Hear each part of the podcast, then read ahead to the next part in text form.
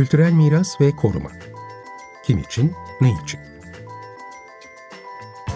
Hazırlayan ve sunanlar Asu Aksoy ve Burçin Altınsay.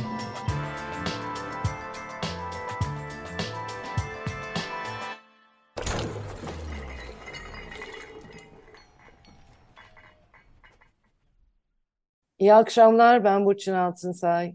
Merhabalar, ben Asu Aksoy. Bu akşam 6 Şubat depremleriyle meydana gelen bina yıkım ve hasarlarının sahada tespit çalışmalarına bir fiil katılmış bir inşaat mühendisi gözünden nasıl analiz edildiğini ele alacağız.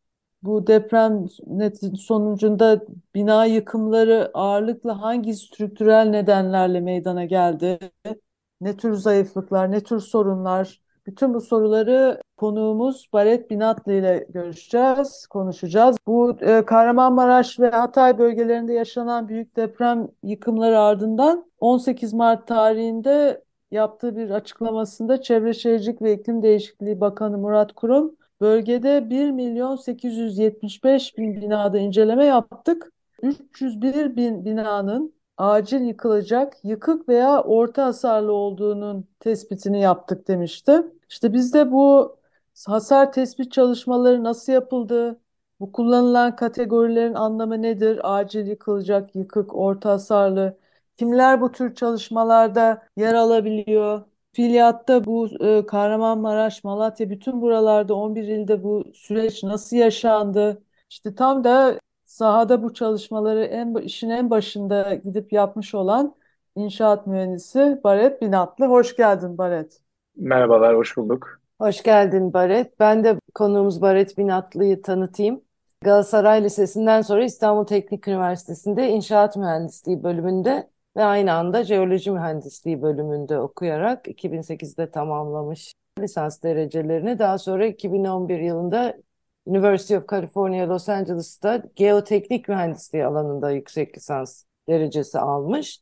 9 yıl kadar Amerika'da geoteknik mühendisi olarak ve proje yöneticisi olarak çalıştıktan sonra Türkiye'ye dönmüş ve burada da World Resources Institute, Dünya Kaynakları Enstitüsü'nün İstanbul ofisinde sürdürülebilir binalar üzerine çalışıyor. Tekrar hoş geldiniz. Tekrar hoş buldum. Evet, şey, girişte de söylemiştim yani hemen deprem ertesinde tespit çalışmaları yapmak üzere Çevre ve Şehircilik İklim Değişikliği Bakanlığı ekipleriyle birlikte galiba sahaya gittiniz. Gittin Baret. Ee, yani nasıl bir süreç yaşandı? Ee, bu tespit çalışmaları nasıl organize oldu? Ee, nerede çalıştın? Bunları bize böyle bir kısaca anlatır mısın? Ee, tabii anlatayım. Tanıtım için de tekrar teşekkür ediyorum. Ee, şimdi ben bir inşaat mühendisi olarak hasar tespit çalışmalarını ilk defa 2021 e, İzmir depreminden e, hemen sonra yapmıştım.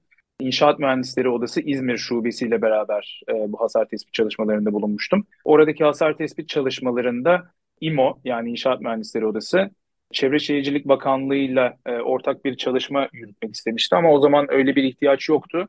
İMO e, kendi çalışmalarını Çevre Şehircilik Bakanlığı'na paralel olarak İzmir'de yürütmüştü. Biz de gönüllü ekipler olarak e, İzmir'de o çalışmalara katılmıştık. Fakat 6 Şubat depremi, e, Kahramanmaraş depremi o kadar şiddetli ve yıkıcıydı ki ve hala e, akıllarımızdan e, çıkmıyor, gözlerimizin önünden gitmiyor.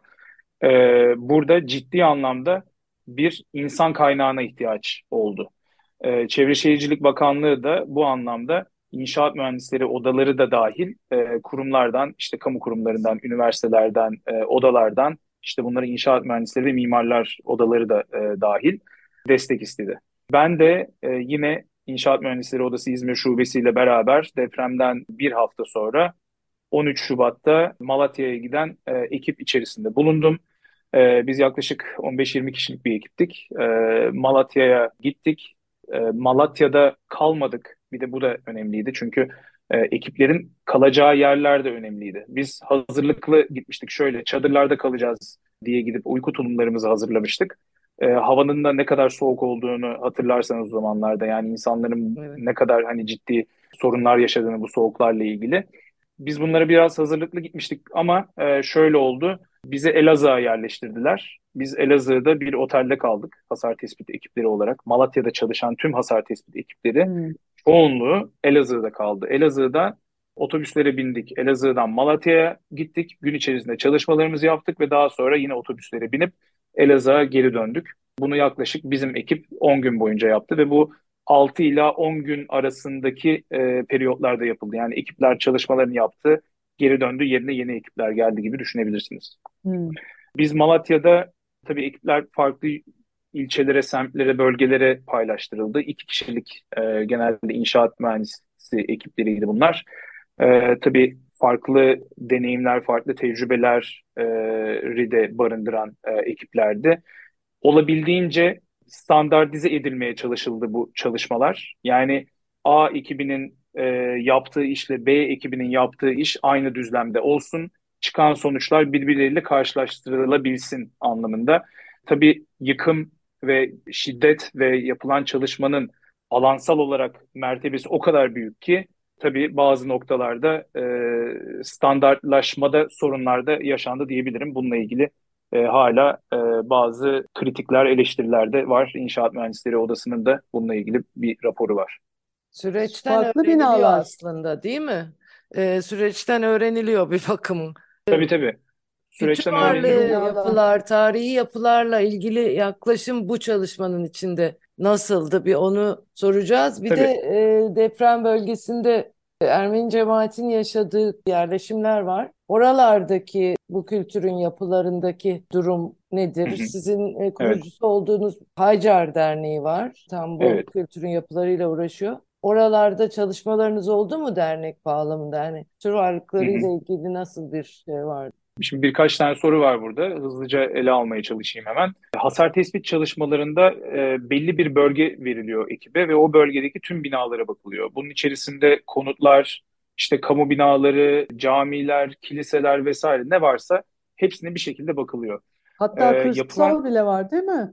Kırsala bile Tabii, tabii. baktınız. Tabii Hmm. kesinlikle. Zaten benim e, bireysel olarak bulunduğum, e, içinde bulunduğum ekipti. Biz Malatya özelinden konuşacak olursak şehre çok yakın ama aynı zamanda e, köy statüsünde e, bir yerde. Yani mahalle tabii ama hani e, gittiğiniz Hı hı. zaman bir köyde olduğunuzu anlıyorsunuz. Öyle bir yerde biz çalışma yaptık. Bunun içerisinde betonarme binalar da var, e, yığma binalar da var. Yığma binalara neler giriyor mesela? Kerpiç binalar. O ciddi yoğun bir şekilde kerpiç binalara baktık biz. Tuğla şeyde çok yeni yapılmış tuğla binalar, işte boşluklu tuğlaların kullanıldığı binalar, eski tekniklerle işte dolu tuğlalar, ateş tuğlanın e, kullanıldığı e, binalar, farklı farklı binalara baktık ve bunlar üzerinde e, standartlar yani hasar tespit standartlarına göre çalışmalarımızı yaptık, çalışmalarımızı kaydettik. E, merkezi bir sistem var. Tüm ekiplerin elinde tabletler var. MAX adres sistemine göre hareket ediyorsunuz. Numaratajlar belli ama farklı sistemler arasında maalesef bilgi kopuklukları oluyor. Bina bazında ilerleyip ilerleyip haritanızda ne kadar bina varsa hepsinin hasar tespitini yapıyorsunuz. Bunun içerisinde kültürel değeri olan varlıklar da olabilir. E, fakat kültürel e, değeri olan varlıklar için tabii ki de çok daha detaylı çalışmalar yapmak gerekiyor. O binaların yeniden ayağa kaldırılabilmesi için işte rölevelerinin alınması, restitüsyon e, projelerinin yapılması, e, yapı malzemelerinin orada korunması, yıkıldıysa e, kesinlikle oradan alınmaması, fotoğraflanması, ciddi bir envanter çalışmasının, e, belgeleme çalışmasının yapılması gerekiyor. Bu bizim kapsamımızda değildi hasar tespit çalışmasında. Zaten baktığınız zaman binanın az çok ağır hasarlı veya işte e, güçlendirilerek veya onarılarak ayağa kaldırılabileceğini siz görebiliyorsunuz. Ama genel yapılan çalışmalarda, çalışmalar neticesinde ortaya çıkan tablo şunu söylüyor size. Ağır hasarlı binalar yıkılacak, yerine yenileri yapılacak. Ee, işte orta hasarlı binalar e, güçlendirilecek, az hasarlı binalar e, ufak tefek onarımlarla tekrar e, yaşanabilir hale gelecek gibi bir skala var, sistem var. Ama bu kültürel miras, kültürel değeri olan varlıklarda her zaman geçerli olmayabilir. Orada çok daha detaylı çalışmalar yapılması hı. gerekiyor. Haycar'dan biraz bahsetmek gerekirse, Haycar Derneği e, 2007 yılında kurulmuş bir dernek. E, Ermeni toplumu içerisinde, Türkiye Ermeni toplumu içerisindeki mimarcılar, mühendisler, sanat tarihçileri gibi e, hem bu işleri, bu meslekleri profesyonel anlamda yürüten hem de üniversite eğitimini alıyor olan kişilerin bir araya gelmesiyle oluşan bir dernek. Bu derneğin de e, amaçları arasında ihtiyaç duyulduğunda iş gücü, danışmanlık veya işte bu konuların yürütülmesiyle ilgili proje yönetimi, iletişim desteklerinin verilmesi var. E, tabii üyeler arasında tüm STK'larda olduğu gibi bilgi tecrübe paylaşımının e, artırılması gibi konular da var. Fakat ihtiyaç duyulması durumunda bu tarz kültürel değeri de olan e, binalarda, varlıklarda, tarihsel anlamda ve günümüzde Ermeni toplumuna ait olan varlıkların da korunması anlamında, gerekiyorsa tekrar ayaklandırılması anlamında da e, desteklerini veriyor. Buna örnek e, birçok çalışmada e, geçtiğimiz 10-15 yıl e, zarfında yapılmıştı. Deprem bölgesiyle ilgili olarak da Haycar Derneği'nin şöyle bir katkısı başladı, devam ediyor diyeyim. Vakıflı köyünde yani Hatay e, ili e, sınırlarında Samandağ ilçesine bağlı Vakıflı köyü var. Vakıflı köyün tabii özel kendine özel bir tarihi bir dokusu, e, kültürü var. Geçen e, programımızda arzu... konuşmuştuk Vakıflı köyü. Evet. Lora, Lora ile. Evet.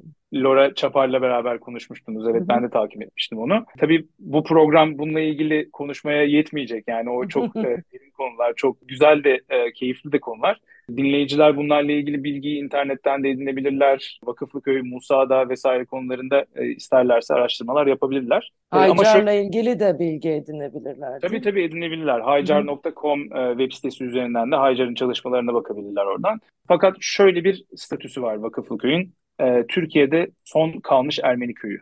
Yani bir şekilde kültürünü yaşantısına da yansıtan bir köy. Köyün kendine ait bir dokusu var, kendine hı hı. ait e, dinamikleri var. E, dolayısıyla böyle bir köyünde ayakta tutulması, e, kendi dokusunu ve kültürel değerlerini koruyarak da ileriye taşınması, dirençli bir şekilde ileriye taşınması çok önemli. E, Haycar olarak biz başlangıçta özellikle 20 Şubat depreminden sonra tabii ondan da bahsetmek gerekiyor. Yani 6 Şubat'ta e, iki tane deprem oldu hı hı. ama 20 Şubat'ta bu sefer e, Samandağ ilçesini de ciddi bir şekilde etkileyen Samandağ merkezli bir e, deprem oldu. E, hem Defne hem Samandağ merkezli hatta arka arkaya iki deprem oldu 3-4 dakika arayla. Ve ondan sonra daha önceki depremlerde hasar almamış Vakıflıköy ve Samandağ'ın çoğunluğu o depremler neticesinde ciddi hasarlar aldı. Biz de o sırada gönüllü bir ekip kurup hızlı bir şekilde oradaki cemaate, köylüye de destek verebilmek için dernek altında bir hasar tespit çalışması yaptı. Tabii ki de Çevre Şehircilik Bakanlığı'nın yaptığı resmi bir hasar tespit çalışması var. Biz de bir STK olarak kendi verilerimizi toplayabilmek adına bir hasar tespit çalışması yaptık. Ee, şimdi ise e, hem o çalışmalardan yola çıkarak hem de nelere ihtiyacı olabilir e, bunların planlamasını yaparak bazı çalışmalar içerisindeyiz e, dernek çatısı altında. Çünkü orada aslında Vakıflıköy'de tabii ki kültür mirası, kültür varlığı olarak çok önemli e, tescilli ya da tescilsiz varlıklar var. Dolayısıyla siz demin bahsettiğin daha ayrıntılı bir kültür mirasının kaydına yönelik ve depremde almış olduğu hasara yönelik daha ayrıntılı bir çalışma evet. böylece yapabiliyorsunuz değil evet. mi? Bu evet, da evet. çok önemli. Bunun Tabii. yanı sıra demin şeyden de bahsettin. Yani çok sayıda farklı bina teknikleri, binalar, farklı yıllarda yapılmış binalar, bütün bunları e, gördünüz. İşte tabii. biz de tabii ki medyadan takip ediyoruz. İşte Antakya'da mesela Rönesans Rezidansı gibi ve çok farklı şekillerde işte kapaklanarak düşenler, yan yatanlar, yığılanlar falan çok farklı yıkım şeyleri de gördük. Nasıl diyeyim, biçimleri de gördük. Hı hı. Ve e, yani senin dolayısıyla bu sahada yaptığın şeyler, hasar tespitleri sonunda böyle strüktürel anlamda hani böyle bir analiz yapacak olursan nasıl bir şey sonuç çıkartıyorsun? Yani bu, bu kadar büyük bir hasarın meydana gelmiş olması ve strüktürel olarak bu kadar zayıf bir şeyin bir manzarayla karşı karşıya kalmış olmamız. Evet yani ciddi bir yelpazeden bahsediyoruz burada. Hem yapı tipleri, e, yapı tipleriyle ilgili olan hasar tipleri, yapıların bulunduğu e, zemin durumu, e, topografik durum, coğrafik durum ve zeminin deprem e, yüklerinin ve hareketlerinin belki de e, buna amplifikasyon diyoruz. Yani öyle zeminler var ki bir deprem bir yerde oluşuyor. X atıyorum X kuvvetinde bir yük e, yaratıyor. Ama yumuşak zeminlerde bu X kuvveti o yapıya örneğin 2X olarak yansıyor. Yani e, öyle yerler var ki orada yapılan yapılar e, her ne kadar yönetmeliklere, normlara uygun yapılmış olsa bile sadece bulunduğu noktayla ilgili olarak bile çok farklı riskler taşıyabiliyor.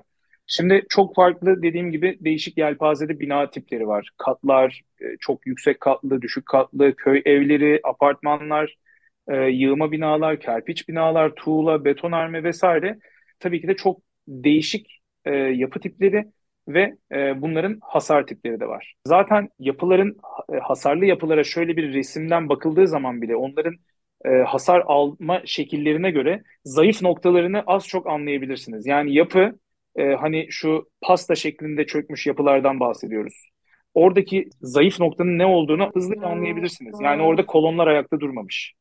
E, yani kolonlar zayıf kalmış. Dolayısıyla ayaklar kırılıp tabliyeler yani döşemeler tak tak tak üst üste birikmiş. Rönesans gibi binalarda binanın kendisi şöyle resimden baktığınız zaman aslında yani şey olarak bozulmamış bina öyle duruyor fakat kapaklanmış ve yan yatmış düşmüş. Bu çok karşılaşılan bir durum değil. Burada farklı tür hasarlar dolayısıyla ön plana çıkıyor. İşte Kocaeli depreminde de hatırlarız. E, hala belki gözümüzün önündedir. İzmit'ten, e, Adapazarı'ndan, işte hatta Avcılar'dan, İstanbul'un Avcılar ilçesinden, deniz kenarında özellikle bulunan yapılarda böyle bir yan yatma durumu vardı. Sıvılaşmadan özellikle bahsederiz orada. Yani zemin gücünü kaybetmiş deprem etkisiyle. Bu tarz çokça fazla şeyler var hasar durumları var. Rönesans binasının özelinde de ben özellikle bu konuda çok yorum yapmak istemiyorum ama e, çünkü ciddi anlamda bu konuya çalışmış bir mühendis değilim. Yani o Rönesans'ı ele alayım bakayım nerede hasarlar olmuş diye bakmış bir mühendis değilim. Fakat e, orada şundan bahsediliyor. Ondan onu da e, şuna bağlayacağım. Sahada yapılmış hatalar yani uygulamada yapılmış hataları bağlayacağım biraz. Rönesans binasında birinci veya ikinci kattan itibaren bir kolonlardan kopma ve binanın e, yan yatması hatta düşmesi gibi bir durum var. E, ciddi bir yükseklikten o için binanın içinde bulunan insanların da çok ciddi bir yani yer çekimi kuvvetine maruz kalmasından bahsediyoruz burada. Kendi gördüğün örneklerle bağlayarak acaba tabii, tabii. yani genel bir e, sebep ya da genel bir analiz yapılabilir mi? Tabii. Yapılabilir. O da öncelikle tabii binaların güncel normlara göre olmamasını söyleyebiliriz. Hmm. Yani 2018'de çıkan bir bina deprem yönetmeliğinden bahsediyorsak ve Türkiye'deki bina stoğunun, bölgedeki bina stoğu diyelim fark etmez yaklaşık %90'ının 2000 yılı hatta 98 deprem yönetmeliği öncesinde yapıldığını düşünecek olursak başlangıçtaki aslında en göze çarpan şey yönetmelikten önce yapılmış olması, o yönetmeliklere göre yapılmamış olması. Ha bu bir hata mı? Yok o zamanki yönetmelik o şekildeydi ve e, o zamanki yönetmeliklere göre yapılan binalar ona göre yapılmıştı. Tabii inşaat mühendisliği hizmeti almayan yapılar da vardı. Hizmeti almış olsa bile sahada o şekilde uygulanmamış yapılar da vardı. Örnek bizim Malatya'da yaptığımız hasar tespit çalışmalarında temele tam olarak yerleşmemiş kolonlar gördük. Donatıların yani inşaat demirlerinin tam olarak temele veya kolonların içerisine girmediğini gördük. Burada ciddi hasarlar vardı. İşte kolonların duvarlara oturtulmuş olduğunu gördük. E, kolon ve kiriş bağlantılarının yapılmadığını gördük. Kirişlerin kirişlere oturtulduğunu ve kolonlara oturmadığını gördük. Çok ciddi e, boyutlarda kirişlerin yapıldığını ve kolonların çok zayıf bırakıldığını gördük. Hı. Bu eski yönetmeliklerde böyle bir şey var tabii ama inşaat mühendisliği hizmeti alsaydı bu derece olmazdı e, diye bir e, özet geçebilirim. Burada şeyden Evet. de bahsedebiliriz aslında. Bu demin sen söyledin e, İnşaat Mühendisleri Odası da yakınlarda bir rapor yayınladı. E, Evet. orada da o raporda da yani şeyden bir takım sorunlar böyle başlıklar halinde özetlenmiş. Evet. İşte Evet. e, süre baskısı mesela işte yani bu şeyden bahsediyorlar aslında raporda. Bu hasar tespit çalışmalarının kendisi hazırlanırken de takım sıkıntılar var, olmuş. Onlardan bahsediyorlar. O, o raporun e, farkındayım. E, o raporu aslında detaylıca her her bence kişinin, e, her vatandaşın bir okuması lazım. Yani olay gerçekten sahada nasıl ilerliyor ve bu hasar tespitleri neye göre yapılıyor diye. Evet. E, şimdi yıkım çok fazla olduğu ve e, depremin şiddetinin 11-13 hatta son şeye göre 13 ile yayıldığını düşünecek olursak e, çok yoğun bir şekilde çok fazla kişiyi de yönlendirerek hasar tespit çalışmaları oldu ve standart dışı şeylerde e, iletişim bozukluklarından yaşandı. Hasar tespit çalışmaları için verilen bir eğitim var. E, İnşaat Mühendisleri Odası tarafından. Bir de Çevre Şehircilik Bakanlığı tarafından verilen bir eğitim var. E, bu ikisi arasında aslında bazı değişiklikler olduğunu biz sahada anladık.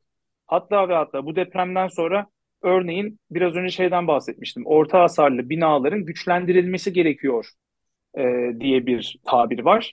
Fakat biz sahada şunu gördük. Yapılan da resmi açıklamalara göre orta hasarlı binaların güçlendirme değil, onların da yıkılacak ve yeni baştan yapılacak bina sınıfına alınması ile ilgili açıklamalarda bulunuldu. Az hasarlı binalar veya hafif hasarlı binalardan bahsederken biz teknik olarak yapısal hasarlardan bahsederken mesela işte kolon hasarları, kolon kiriş bağlantıları ile ilgili hasarlardan bahsederken hafif hasarların içerisine bu sefer sıva çatlakları, boya çatlakları gibi şeyler de girmeye başlamıştı. Yani orada bazı iletişim e, aksaklıkları da yaşandı. Çok Ee, hızlıca İstanbul'a girebilirler tabii. getirebilir miyiz lafı Evet, değil mi? Tabii. Ee, İstanbul'da da bekleniyor deprem malum. Yeterince hazırlanıldığını e, binaları güvenceye almak için vatandaşlar olarak hazırlandığımızı düşünüyor musun? Bir de yine siz Ee, Hacer olarak İstanbul için de çalışmalar yapmışsınız. Ondan da biraz söz edebilir misin? Çok Tabii az tabii. vakit Ee, yani kaldı. bu e, evet çok az vakit kaldı. Hemen toparlamaya çalışacağım. İstanbul'da beklenen depremle ilgili biliyorsunuz son zamanlarda İstanbul Büyükşehir Belediyesi'nin yaptığı bir tarama çalışması var. Evet. Ee, ciddi bir yapı stoğundan bahsediyoruz. Bu yapı stoğunun tamamının bir anda deprem dayanıklı hale gelmesi hiç gerçekçi değil. Fakat burada bazı önceliklendirme çalışmalarının Hmm. yapılması gerekiyor. Ee, Büyükşehir Belediyesi de e, bunu yapmaya çalışıyor. Bunda e, vatandaşlar olarak e, bu tarz çalışmalara bir başvuru bence ya- yapmamız gerekiyor. Konusunda Hı hı. deneyimli inşaat mühendisleriyle konuşmamız gerekiyor. Eğer binamız 2000 yıl öncesi yapıldıysa e, bazı gerçekçi riskler taşıdığını kendimize artık söyleyebilmemiz gerekiyor ve bunu da irdelememiz gerekiyor. E, bu anlamda çalışmalar yapılıyor. Son zamanlarda e, Çevre Şehircilik Bakanlığı'nın TOKİ ile beraber ortaya çıkardığı bir kampanya var biliyorsunuz. İşte İstanbul Büyükşehir Belediyesi'nin Kiptaş'la beraber yaptığı çalışmalar var. Tabii bunların hepsini bir irdelemek lazım. Bu radyo programı şu an bunlarla, bunlardan detaylıca bahsetmek adına pek yeterli değil. E, ama e, önemli olan bir adım atmak.